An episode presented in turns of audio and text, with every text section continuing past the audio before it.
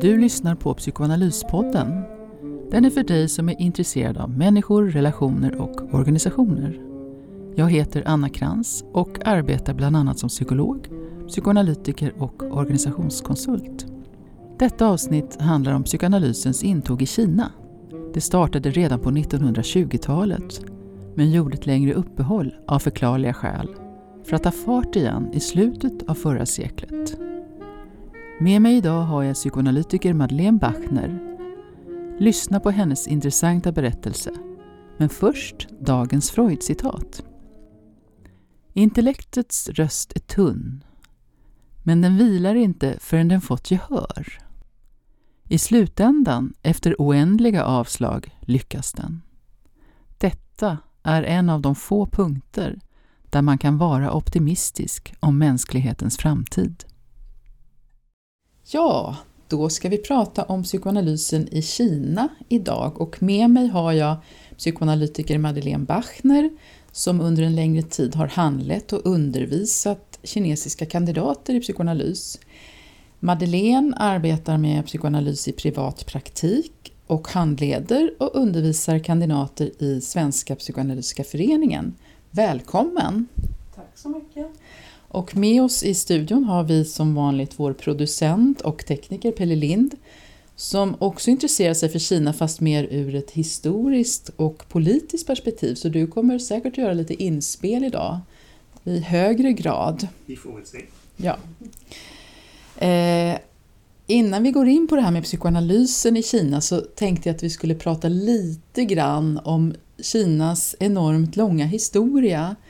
Eh, som, som jag förstår världens äldsta nu levande civilisation. Mm. Eh, med ett högt antal olika dynastier bakom sig. Och det här som handlar om att vara en, en, ha den här identiteten av att vara ett sånt stort och gammalt rike. Är det någonting där som du vill börja med som, som på något sätt ändå har betydelse för var Kina är idag? Eh, alltså jag måste säga att jag är inte jätte, jätte insatt i, i, all, i Kinas historia och alla dynastier och så, men det finns en dynasti som jag tycker är särskilt intressant och det är Tang-dynastin. Mm. För under den dynastin så var det mycket friare och eh, någon slags begynnande strävan mot någon mer demokratisk form.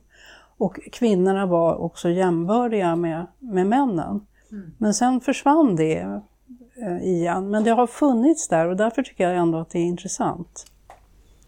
Väldigt.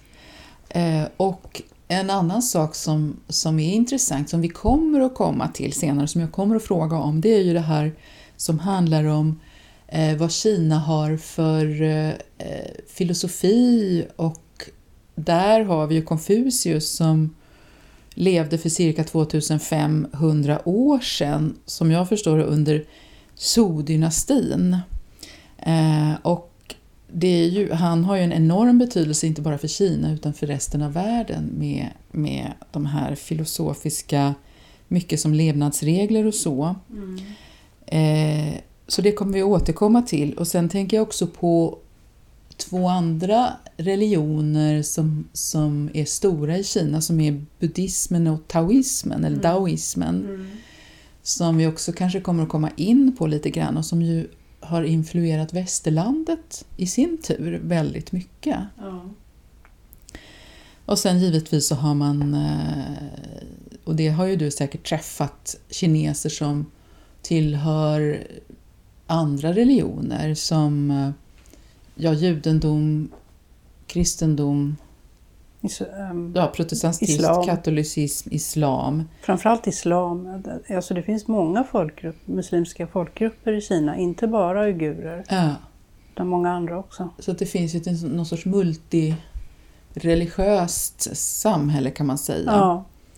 Eh, så, men om vi, då, om vi då går in på psykoanalysen. Eh, när kom psykoanal när, började, när började kineser intressera sig för psykoanalys? Har du någon Jag tror, alltså ungefär på 1920-talet så började Freuds eh, skrifter att översättas till kinesiska. Och det fanns ett intresse bland ja, främst filosofer, eh, ja, intellektuella kineser så att säga, att läsa om psykoanalys. Men, eh, men sen så, och det fanns ett utbyte, det finns till och med någon brevväxling mellan Freud och någon kinesisk professor. Eh, så att det, men sen försvann ju det här då på 50-talet och det, böckerna förbjöds och det var liksom dekadent litteratur och så vidare. Mm. Och än mer när Mao kom, tog makten. Mm. Mm. Men det, så det har, psykoanalysen har faktiskt en ganska lång historia, eh, om än i en väldigt begränsad krets förstås. Ja, så det, det är ju lite intressant då att ha den bakgrunden eh, sen när psykoanalysen så att säga återvänder till Kina, att den har varit bannlyst under den här mer stränga, hårda kommunistiska eran under Mao, men mm. att, att den kom tillbaks senare. Eh, om vi går, kliver framåt lite grann då till, då, då, då fanns den här första första liksom kretsen av psykoanalytiker i Kina som kanske emigrerade eller så, men eh, det var i alla fall en kortare period. När började psykoanalysen eh, komma tillbaks till Kina efter, man tänker sig i samband med eh, jag tänker lite det här som kallas då för den, den öppna dörrens politik som kom kanske med Deng Xiaoping, mm. slutet på 70-talet. Vet du när det började komma tillbaks intresset för psykoanalysen i Kina? Eh, jag tror, det, det jag har förstått i alla fall, det är att eh, det kanske inte var i första hand psykoanalys, men det var så att det fanns ingen psykiatrisk behandling, inga behandlingsmetoder. Mm. Utan det som hände med människor som som hade olika diagnoser och så vidare, de blev instängda i ett rum i familjen eller instängda på ett sjukhus. Det, det var liksom det som fanns. Och sen kom väl mediciner och allt det här, men det, man började förstå att så här kan vi inte ha det. Vi, vi behöver uh, lära oss hur man kan arbeta med psykiska problem. Och uh, då började en uh, tysk psykoanalytiker som fortfarande är aktiv i Kina, han heter Alf Gerlach från Frankfurt. 1990 började han att sätta upp en utbildning i Shanghai för att utbilda alltså läkare och psykologer och så till psykoterapeuter. Mm. Och den finns kvar fortfarande. Den kallas för Sino-German Psychotherapy Training. Men i och med det här så, så, så började det växa ett intresse och sen kom ju då 2003 tror jag att den här eh, norska staten och den kinesiska staten ingick ett avtal med att man skulle bidra, Norge skulle bidra med kunskap så att säga. Och då startade Sino, Sino Norway Psychotherapy Training. Och sen har det startats i Wuhan också, en amerikansk-kinesisk utbildning. Så att det har, liksom, det har växt ganska explosionsartat kan man säga. Mm. Och, och, det finns ett stort intresse att både gå i psykoterapi, alltså psykodynamisk terapi, och att utbilda sig till psykoterapeut. Och det bygger ju på psykoanalysen förstås. Det, och sen är det ju då de, en, de som senare har velat utbilda sig till eh, psykoanalytiker, de har ju gått de här psykoterapiutbildningarna först. Då. Men var det på kinesiska regeringens förslag liksom till norrmännen eller var det tvärtom? Eh, jag skulle tro att det var den kinesiska eftersom det, de behövde liksom utbilda sig i, i psykoterapi helt enkelt. Och när började, om du skulle berätta om din egen resa, hur, hur började det för din del? Ja, det började så att eh, jag var ord... Nej, det var jag kanske inte. Ja, i alla fall. På något, när jag var europeisk representant i IPA och jag träffade Sverre Varvin på en, ett möte. Eh, och han då har, är den som har, har förestått den den norsk-kinesiska utbildningen, då, Sino-Norwegian. Norwegian. Um, och han berättade om Kina och han åkte dit och jobbade och så. Och jag blev väldigt intresserad. Uh, tyckte det lät spännande så jag sa, men kan inte jag, kan inte jag få följa med? Bara sådär liksom på skoj, på lite spontant. Och sen så kontaktade han mig och sa att ja, just den här omgången så skulle hela den lärargruppen då som var norska eh, inte åka så att då kunde jag se till att få ihop några stycken från den svenska föreningen. Så åkte vi ner. Det var Arne Jämstedt och Camilla Silversköld och jag och, och Anders Almegård. Så det var liksom en första försmak. Men sen så... Och vilket år var detta? 2003. 2000... Nej, vänta nu. Nej, det var det inte. Det var inte 2003. Det var 2009. 2009? Ja. ja. Sen eh, blev jag tillfrågad om jag ville ingå i något det som kallas IPA eh, China Committee. Och det var då jag började jobba med psykoanalytikerutbildningen i Kina. Mm. 2013 var det. Mm. Men du är helt enkelt utbildade där då? Ja. Vi har hållit i hela psykoanalytikerutbildningen där fram till, ja vi kommer göra det nästa, det här året också, sen är det slut med det. Spännande. Mm. Så det är, ju, det är ju ganska många år nu om man tänker. Mm. Och då tänker jag lite så här också, vad, vad, vad har varit svårast skulle du vilja säga? Ja, dels är det ju förstås språket, även om eh, eh, i den här psykoterapiutbildningen där har vi tolkar och det, de är psykoterapeuter så de kan ju hela de här begreppen, alltså psykodynamiska begreppen och så. Ja, språket är ju en barriär, det går, det går inte att komma ifrån. Mm.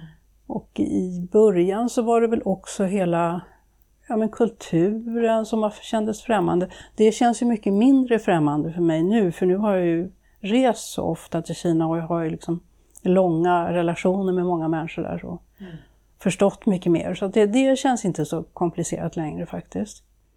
Och vad är det som i, i det kulturella som kändes som du la märke till från början och som du sen lyckades hitta en ingång så att säga? Ja, så det, det finns ju en väldig, eh, vad ska man säga, tro på, eller auktoriteter och vi kom ju ner dit och, och var auktoriteter på ett helt annat sätt än vad, hur, hur jag känner mig i förhållande till kandidaterna i vår förening eller studenter eller så. Det, och det, det innebar ju då att man, ja, att man blev betraktad som något som, ja, som man inte kunde heller liksom riktigt gå och konfrontera. Eller att det, det, kineser, det här gäller ju generellt, inte bara för studenter eller kandidater, utan kineser de säger ju inte liksom, nej sådär tycker jag inte vi ska göra, utan det blir liksom förtäckt på ett sätt som man måste förstå att det här tyckte inte den här personen var så bra. Men, mm. Och så får man försöka lyfta fram det själv då. Och, och där, är, det måste jag backa lite grann, har du du har både haft analysander i analys och handlett. Nej, jag har inte haft några analysander. Nej, du har handlett ja, bara och handlett. undervisat. Ja, ja, just det. Just det, just det. Nej, kandidaterna har ju eh, tagit patienter och det, det är viktigt att poängtera att de har inte gjort det på digitalt utan det är alltså i rummet. Precis, på divanen mm. som, som en, en, en klassisk psykoanalys. Ja, precis. Ja, och ja, de har också, ja, det, det är lite komplicerat, men den första utbildningsgruppen, kandidatgruppen, de hade en tysk analytiker som bodde i Peking, för hennes man var diplomat. Så de har gått, alla, hela gruppen, tio stycken, gick hos samma analytiker. Med tolk? Nej, nej. Hon kunde? Nej, de, de, för att bli för att kunna bli kandidat eh, så måste de kunna engelska. Det är ett krav, det är ett absolut krav. Jag tänker på det här med, med den, den eh, psykoanalysen som har vuxit fram i Europa och det, det är västerländskt och det var på sin tid och det har liksom ändå vuxit upp i en sån kontext, att säga, mm. hela den teoribildningen. Och om man tittar på kulturella skillnader, det här som när kineserna till slut börjar våga kanske säga lite mer nej men så här, det här funkar inte eller så här är det inte hos oss eller så här tycker inte vi, det här stämmer inte. vad är det då som du har uppfattat att de har reagerat emot? Eh, måste jag tänka lite. Det, det jag har märkt är att de, de är mer upptagna att de, av att de måste vara artiga mot sina patienter.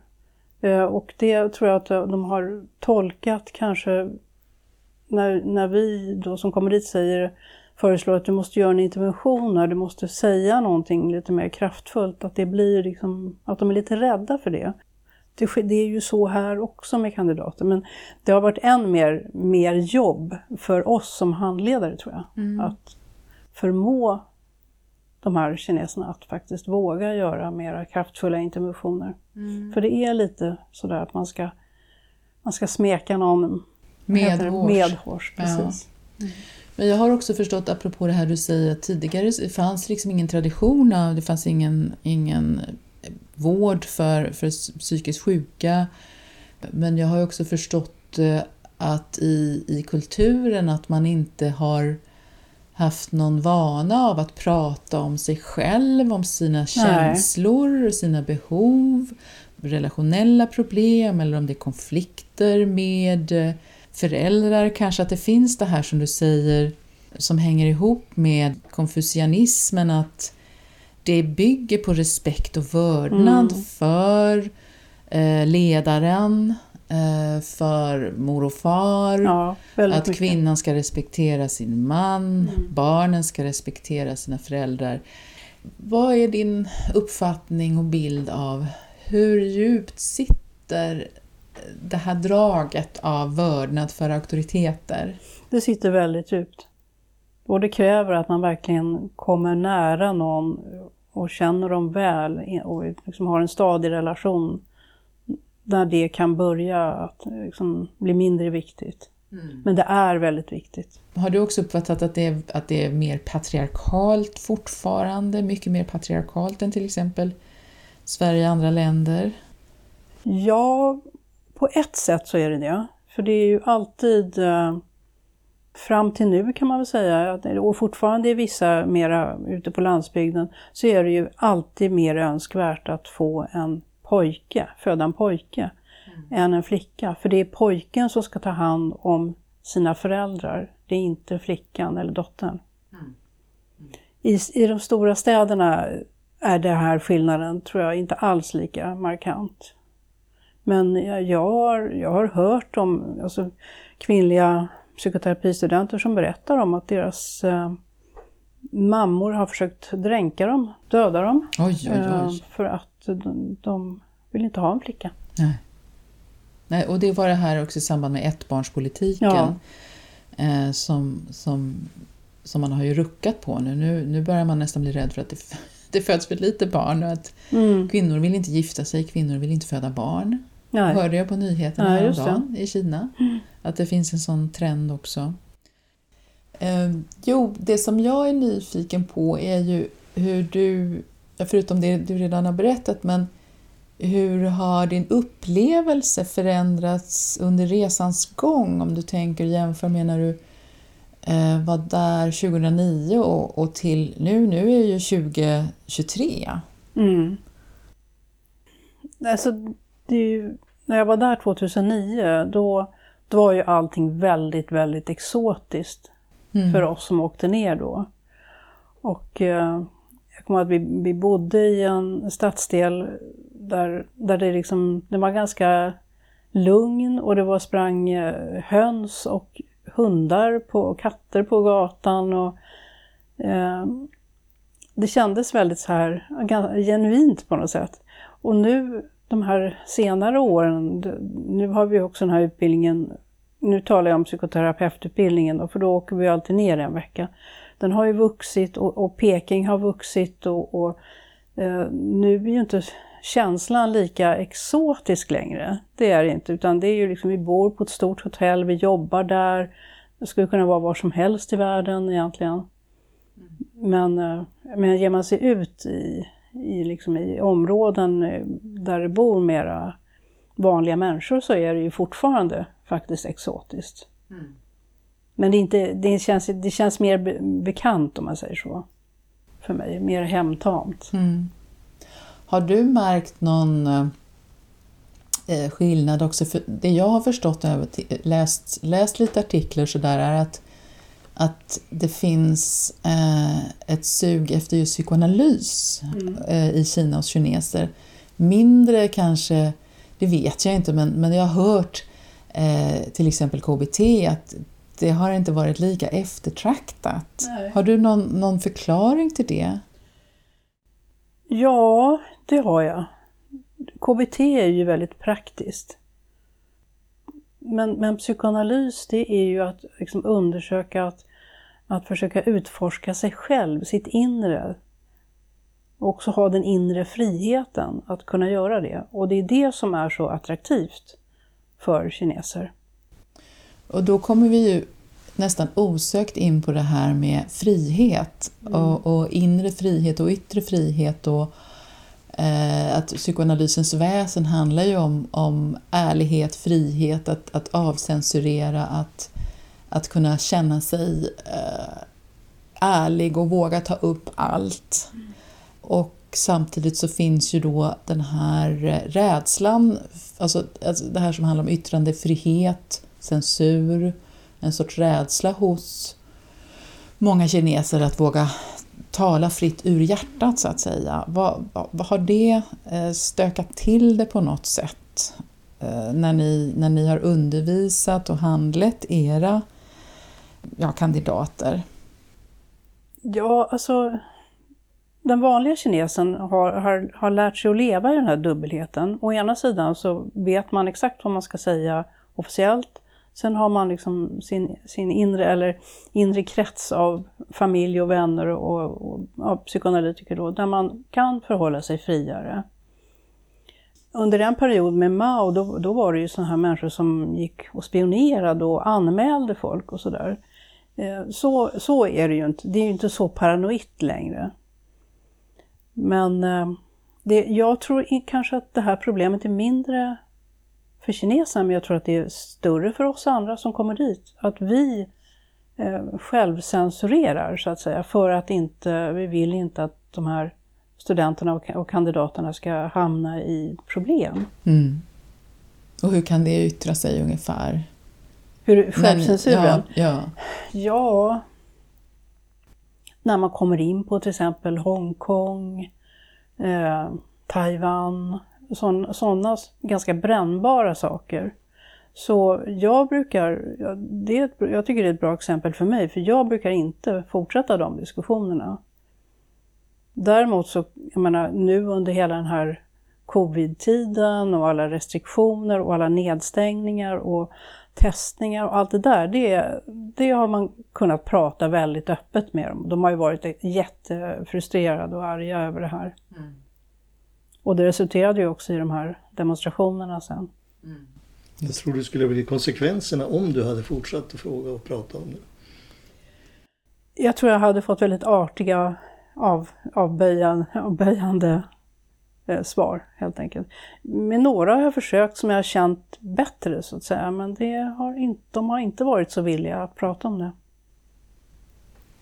Om man då tittar lite på vad som har hänt, alltså det som, som egentligen är väldigt traumatiska händelser i Kinas historia, näraliggande. Då är det ju dels det här som kallas det stora språnget och den här mm. stora svältkatastrofen på, var det på slutet på 50-talet? Ja, början av 60-talet. Ja. Ja. Där det fortfarande såklart finns människor som har varit med om detta. Mm. Sedermera då kulturrevolutionen som var ju ett hårt grepp där och i var det tio års tid nästan. Mm. Och sen givetvis massakern på Himmelska fridens torg. Mm.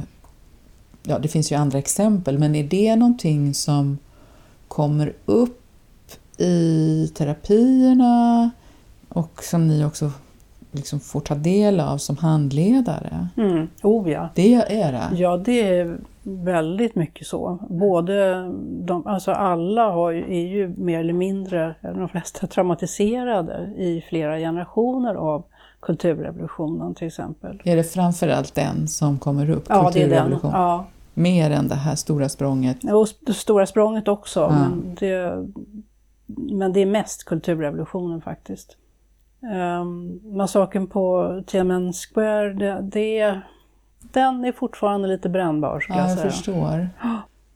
Relationen till Ryssland, är det, är det också någonting som är tabu att prata om? Huruvida Kina så att säga står på Rysslands sida nu i kriget och vad det gör med relationer till västvärlden och, och alltihopa det här. Det är ju, har ju snart, vi är snart eh, ett år in mm. i kriget. Mm. Nu vet ju inte jag riktigt. De, de är ju ganska långt, alltså Ukraina är ganska långt bort för Kina. Ja. Men ja, vi hade ett möte med den kinesiska studygruppen nu då, och vi pratade om den här situationen som var med Ukraina och, och eh, Ryssland. Och det resulterade i att de tog kontakt med den ukrainska ordföranden och sa väldigt tydligt att vi står på er sida, vi stöttar er. Mm. Eh, och skänkte pengar också till dem. Mm. Eh, så Alltså jag skulle inte tro, det finns inte ett jättestort engagemang. Jag tror inte att de är speciellt förtjusta i Ryssland. Det, det tror jag faktiskt inte. Nu talar jag inte bara om psykoanalytiker då, utan det, Ryssland och Kina har ju också haft sina problem. Ja.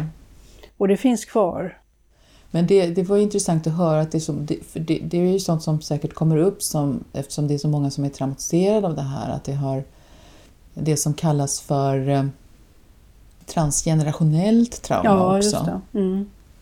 Hur det liksom transporteras vidare till mm. yngre generationer, vad som har hänt då mm. under den här förfärliga perioden. Ja. Ja, det är ju både, alltså det är både de psykoanalytiker, kandidaterna och deras patienter och, och psykoterapeutstudenterna och deras patienter. Så det, det här är ganska knepigt för dem också. Mm. De är ju alla påverkade av det. Ett annat, jag vet inte om det, det egentligen är traumatiskt, men det har ju ändå det får ju en betydelse, som det här som vi pratade om tidigare med ettbarnspolitiken hur, det är ett enormt någon sorts socialt experiment att plötsligt bestämmer man sig för att familjer under en viss epok, familjer får bara ha ett barn. Mm. Vad gör det med de här barnen? Mm. Vad gör det med samhället? Vad gör det med eh, olika sociala relationer, samarbetsförmåga? Va, va, kommer det upp på något sätt? Ja, det, alltså, och det skämtas ju också en hel del om det, att de blir som små kejsare och små prinsessor som får allt vad de vill. Och, alltså det, hela generationen, de som är födda på det, det började väl på slutet av 80-talet, var det här. jag kommer inte exakt ihåg, men de som är födda på 90-talet, de är ju alla i princip, alltså det, det fanns ju de som fortsatte att föda fler barn, men de allra flesta är ju ensambarn. Sen är ju de så väldigt drillade i att samarbeta i, mm. i grupper. De ser sig ju själva som enheter. Mm. Familjen, arbetsenheten och så vidare. Så det, jag tror inte att de har svårt, svårt med samarbete och så. Det, det, tror jag inte. Det är det här kollektivistiska ja, som har företräde. Gruppen är liksom jätteviktig. Mm. De relaterar alltid till gruppen. Och gruppen, är det familjen eller är det? Ja, det är den utökade familjen och det är eh, arbetsgruppen så att säga. Ja. Eller studentgruppen. Eller... Om man då går över lite till eh, den här, det här nya styret eh, från 2012 när Xi Jinping tar, får ordförandeskapet och börjar driva lite hårdare en sorts linje av att ta sig ut i världen både med den här eh, infrastrukturen, någon sorts ny silkesväg. Mm. Eh, och och hit, liksom ha kommunikation med hamnar, järnväg, utökad infrastruktur mm. för att nå ut med varor och tjänster. Kanske ha en, ha en vision av att bli världsledande mm. och, och föryngra Kina och, och göra det liksom mer vitalt, vitaliserande. Och också det här som handlar om att man vill ha bestämde sig för att eh, ha de här konfucianska institutionerna kopplade till en massa universitet i hela världen, Sverige också, eh, med ett mål att eh, 2020 ha tusen, tusen sådana här konfucianska institutioner, en sorts soft power. Har du för du kom ju in redan 2009 innan Xi Jinping Mm. fick makten. Har du märkt någonting av det här? Eh, en sån strävan eh, men också en sorts ökad kanske skepticism gentemot vad, vad, vill, vad vill Kina? Har du märkt något sånt? Någon sån trend eller någon förändring eller någonting? Hos kineserna menar du? Eller- Ja, både hos kineserna eller, Mm. eller hos, hos en sorts eh, expansiv imperialistisk med soft power ekonomi att bli världsledande strävan hos Xi- egentligen Xi Jinping, kanske mer än Ja, kineserna. Ja, Eh, Men också en större skepticism hos, hos andra länder. Och det, under Trump-eran så var det det här handelskriget med Mm. Kina.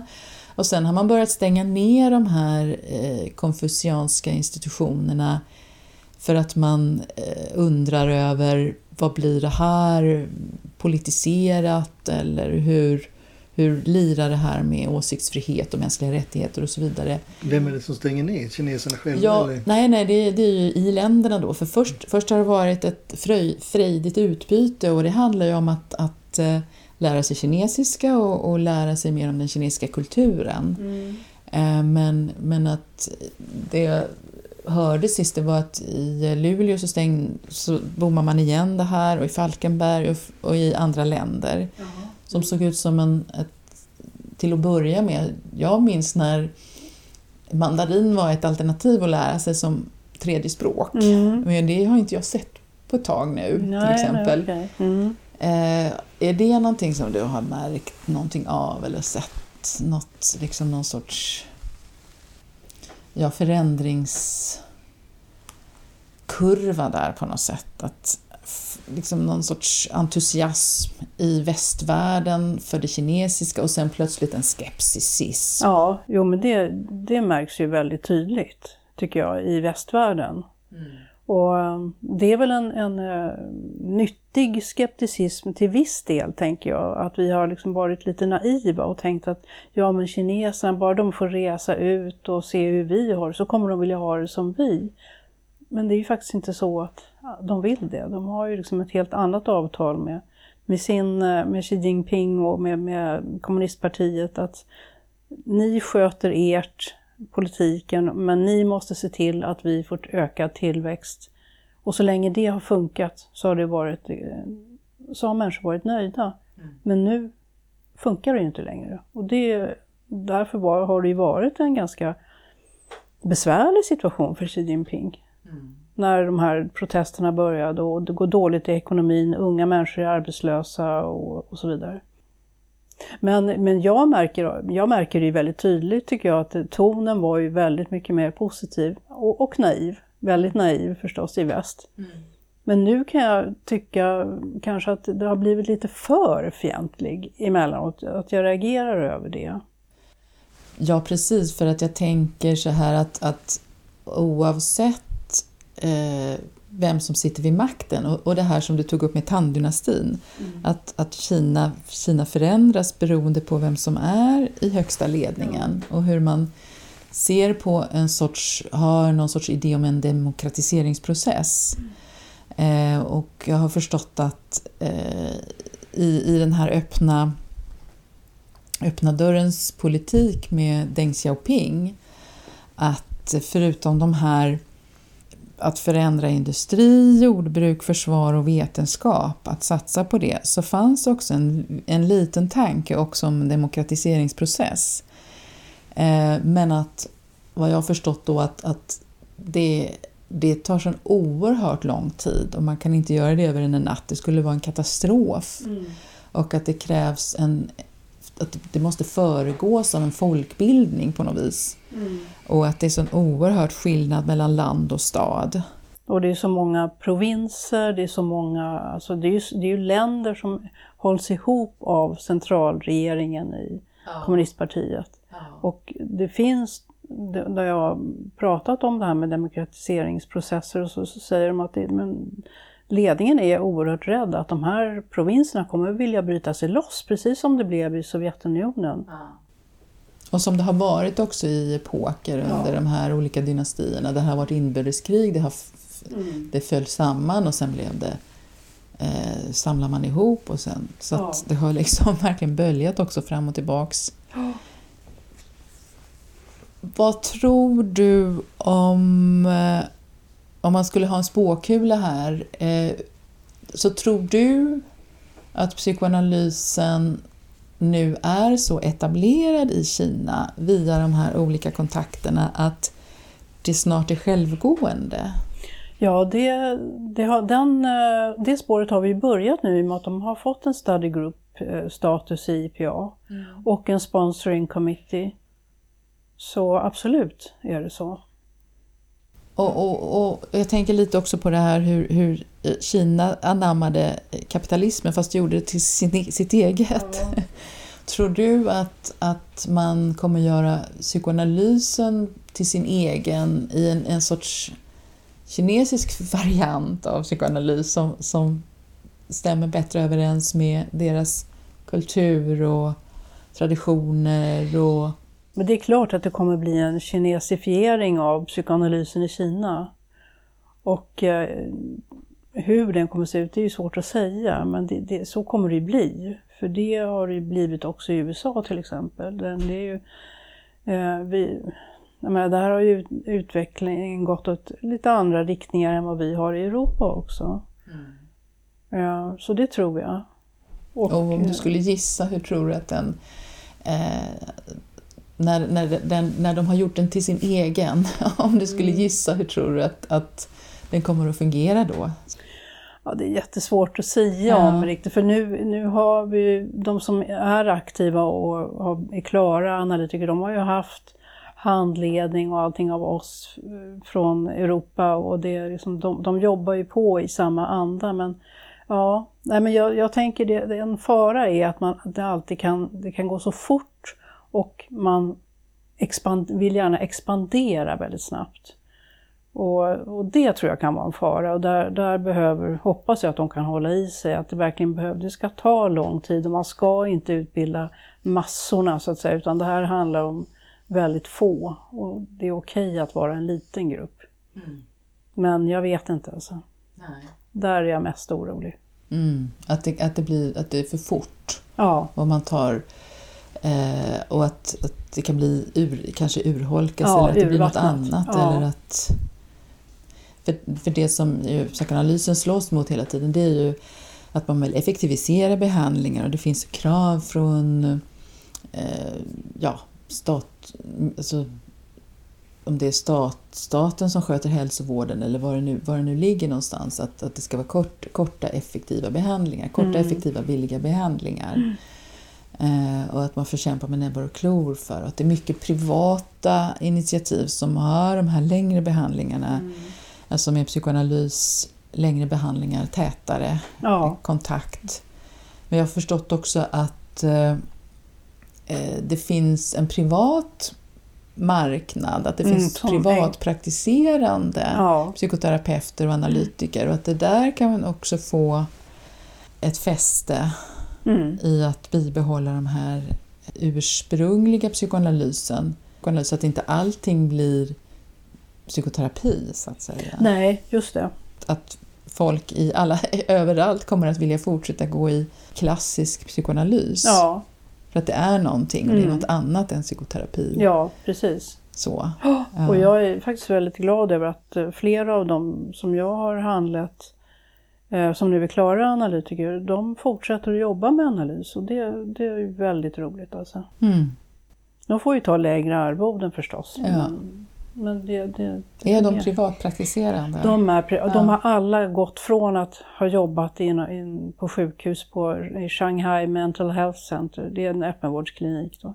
Men de har alla slutat. Och det är mm. klart att det är inte bra heller för för kliniken i sig, för de behöver ju ha några psykoanalytiker. Mm. Deras chef är psykoanalytiker också, men de har faktiskt slutat och öppnat egna mottagningar.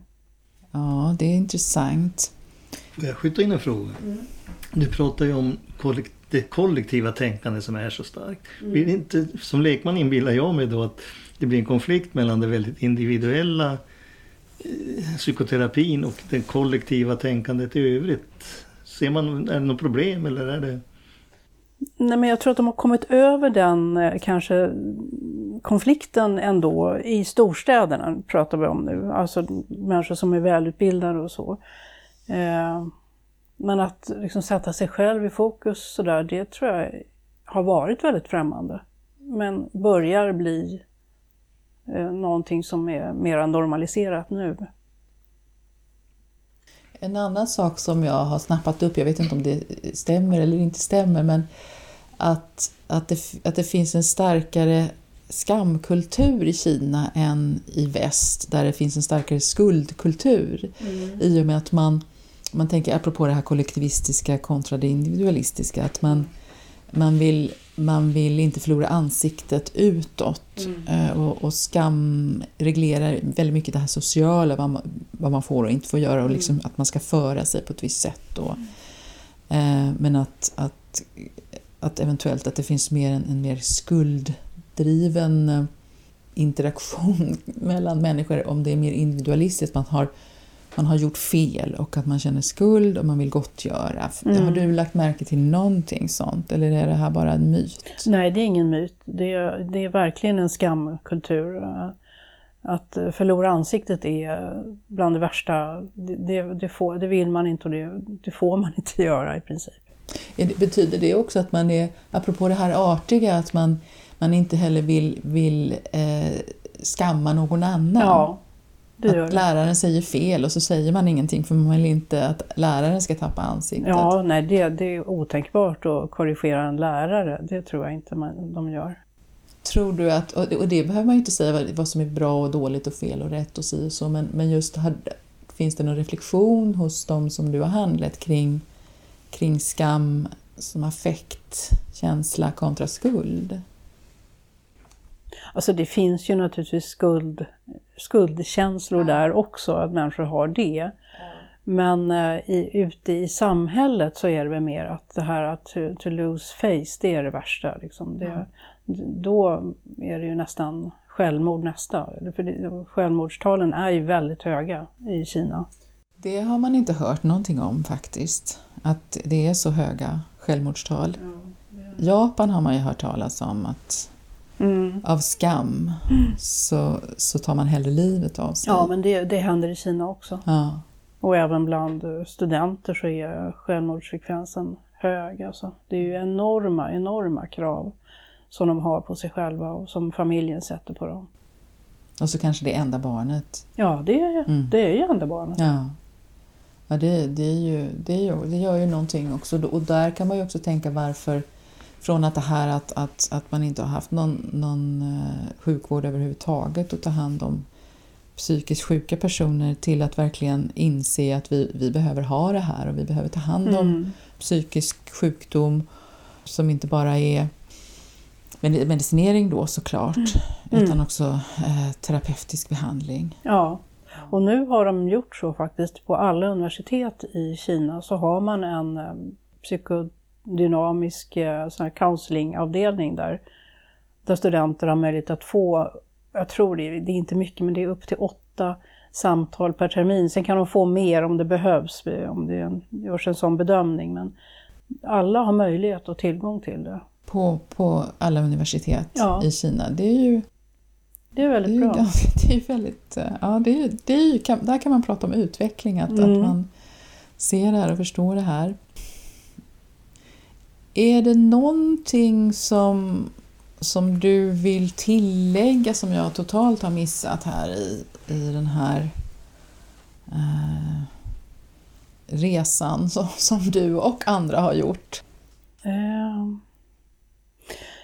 En sån tradition som finns i Kina det är ju den traditionella kinesiska medicinen.